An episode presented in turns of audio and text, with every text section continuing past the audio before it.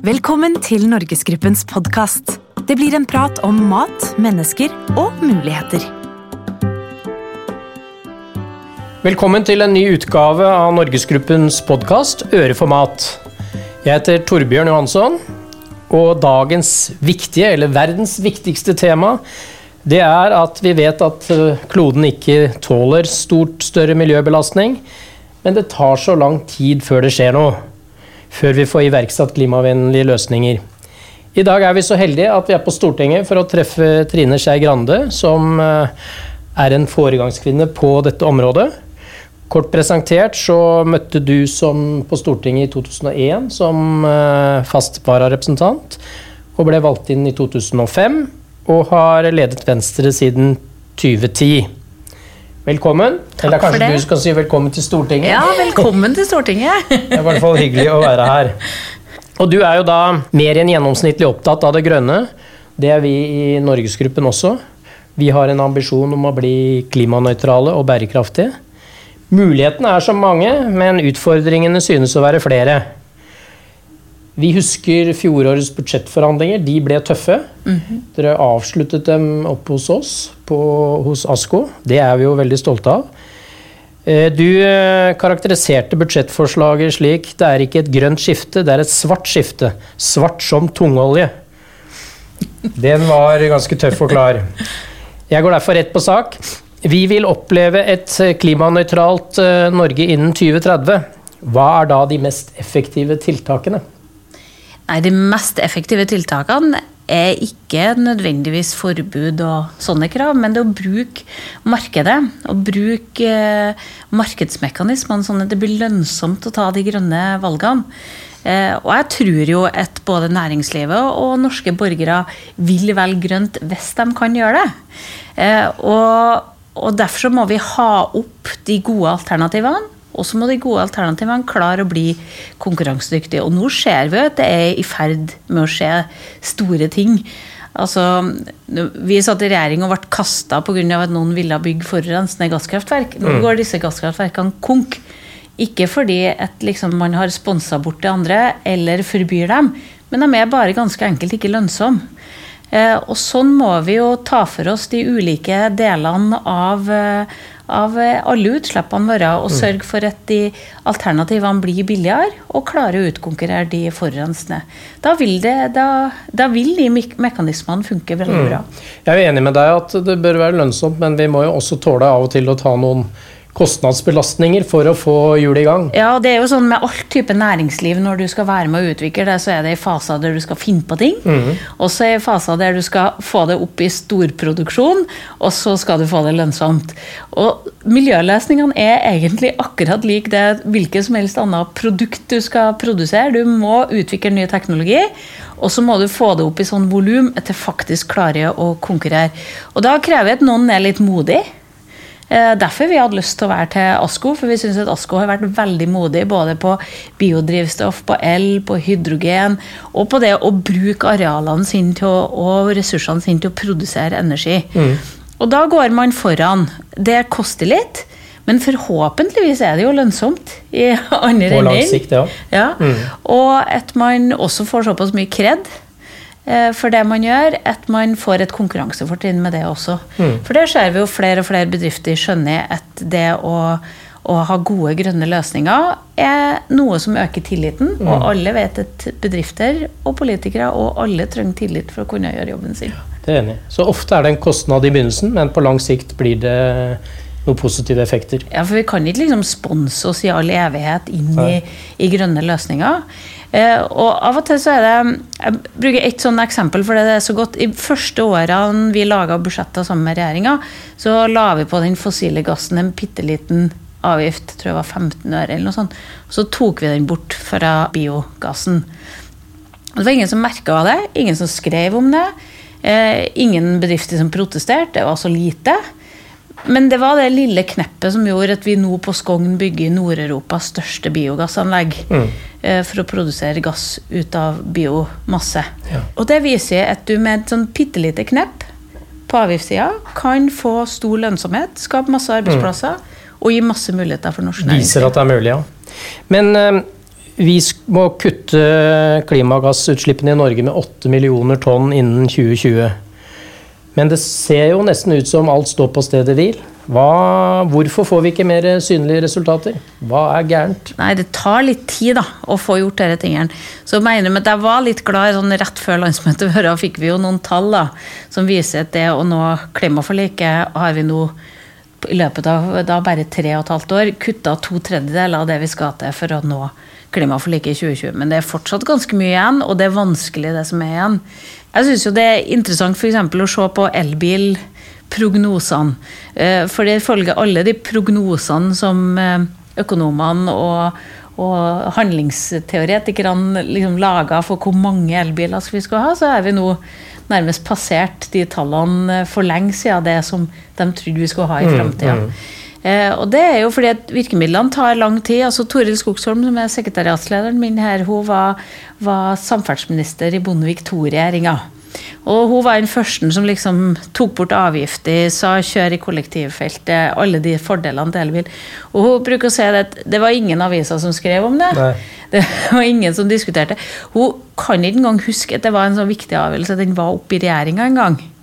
Jeg tror hun følte at det var så lite at det kunne bare bestemme på statsrådskontoret. Eh, og så tar det så mange år, og så slår det virkelig inn. Mm. Nå er vi elbilnasjon i verden. Og alle som produserer elbiler, lanserer dem først på det norske markedet. Mm.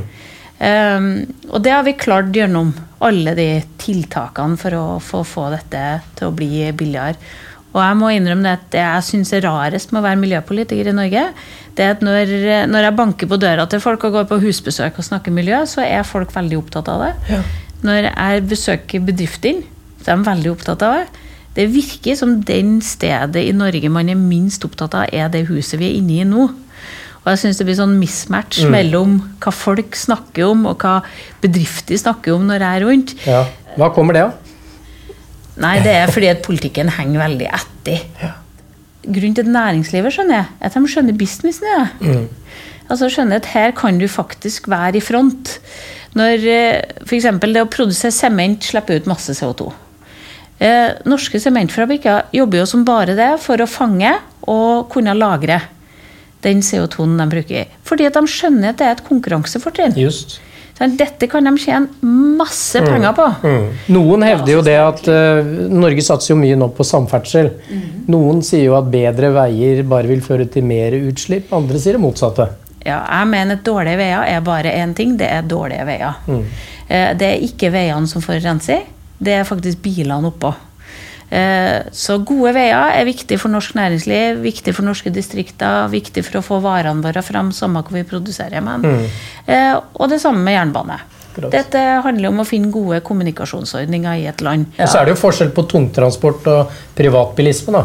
Ja, vi må... som privatpersoner kan ta kollektivt, men det kan ikke varetransporten. Nei, og, og, og og så er det sånn at Du må ha litt ulike virkemidler. F.eks. i budsjettet som vi la fram hos dere, har vi jo nå innført en ny panteordning for de små varebilene.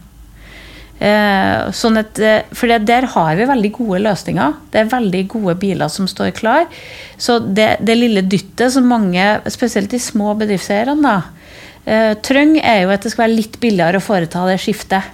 Og det vi gjorde da, var å skru opp eh, skru opp pant, panten, mm, mm. sånn at de kan få, få billigere biler. Vi bruker jo 9 milliarder nå de siste tre årene på å gjøre utslippsfrie og, og lavutslippsbiler billigere. Eh, men så mot eh, de store bedriftene, sånn som dere, trenger vi kanskje et annet type mm. virkemiddelapparat for å, for å, gjøre det mer lønnsomt for dere å få den eh, tunge trafikken over. Og så mener altså vi må, vi må ha biler i både bygd og by. en by helt uten biler, det er ikke noe by. Nei. Tror du ikke vi av og til for å få til noe kanskje må være både modige og kanskje litt naive. Altså, Vi må komme med forslag som kanskje virker litt urealistiske for å komme noen vei. Ja, men er ikke alle, alle ting som noen har gjort som er store ting, jeg har jo nettopp vært sånn. Ja. Det er jo nettopp de personene i næringslivet vårt og i politikken som har torsa å Brøyte vei. Ja, og det, det koster av og til litt, men når du skriver historien og kikker bakover, så er det jo dem vi er stolte av å ha på laget. Tilbake til hverdagen. Du en hektisk, har en hektisk hverdag. Tenk, hvordan er det du handler dine dagligvarer? Tenker du noe miljøvennlig da? Ja, nå har jeg som sagt ikke bil. eh, Så hvis jeg skal gjøre sånne store ting som Ikea og sånn, så leier jeg drosje. tenker jeg. Det, det er mye billigere å leie drosje de gangene. Dagligvarer. Må jeg innrømme at jeg handler oftest på min lille nærbutikk, på min lille Joker, som er Ja. like rundt hjørnet. Se der. Og det er også fordi det er veldig hyggelig. Det- Der er bra nok vareutvalg. ja da, det holder helt fint. Og så er det sånn at der kjenner alle meg, så når jeg sier at jeg vil ha noe, så er det oftest i sortimentet en stund etterpå. Se der. Og så hender det at jeg på lørdager når jeg skal ha litt sånn helgeinnkjøp, så går jeg på en av de litt større. Akkurat. Hva syns du om Norgesgruppens miljøambisjon? Nei, jeg Syns syns, du det bare blir luft, eller syns du det er noe konkret? nei, jeg syns jo det er kjempespennende å se på hvordan dere jobber med alt ifra det som vi har sett på, på ASKO og fraktdelen. Eller jeg har jo besøkt en del av butikkene noe, og sett på f.eks. hvordan man tenker når det gjelder plast, avfall, hvordan du bygger butikker, eh, hvordan du legger til rette for ja, alt fra lading av elbiler når du er på butikken, til det å, å legge til rette for minst mulig av avfall knytta til hele produksjonskjeden. Og dette Jeg syns det er supert når det er et næringsliv som er sånn. Men det er sikkert ting vi kan gjøre mye bedre her i Norgesgruppen. Hva er det du vil utfordre oss på? Kanskje det med plast. Mm. Eh, Jeg tror at mange fikk en oppvåkning når de så en hval strande for litt siden, og hvor mye han hadde i magen. Eh, Det å få ned plastforbruket. Og så skjønner jeg at plast også er viktig for at varer skal holde seg, og at vi ikke kaster for mye mat, som også er en viktig del av det. Just, det er balansert. Ja, Men eh, det å utfordre dere på å få ned plastforbruket, det jeg er spent på å se hvilke planer dere har. Ja, den er bra. Den tar vi. Ja. Og til slutt, eh, det slurer litt med resultatene på miljøområdet, men er du fortsatt miljøoptimist? Ja, jeg tror at dette går, og dette kommer vi til å fikse. Eh, poenget er at menneskeheten alltid må se litt utafor stupet Ja. før man skjønner at man skal snu. Eh, og problemet da er at det blir dyrere og dyrere å snu dess lenger man kommer mot stupet. Så jeg håper jo at eh, folk skjønner at vi må gjøre noe ordentlig.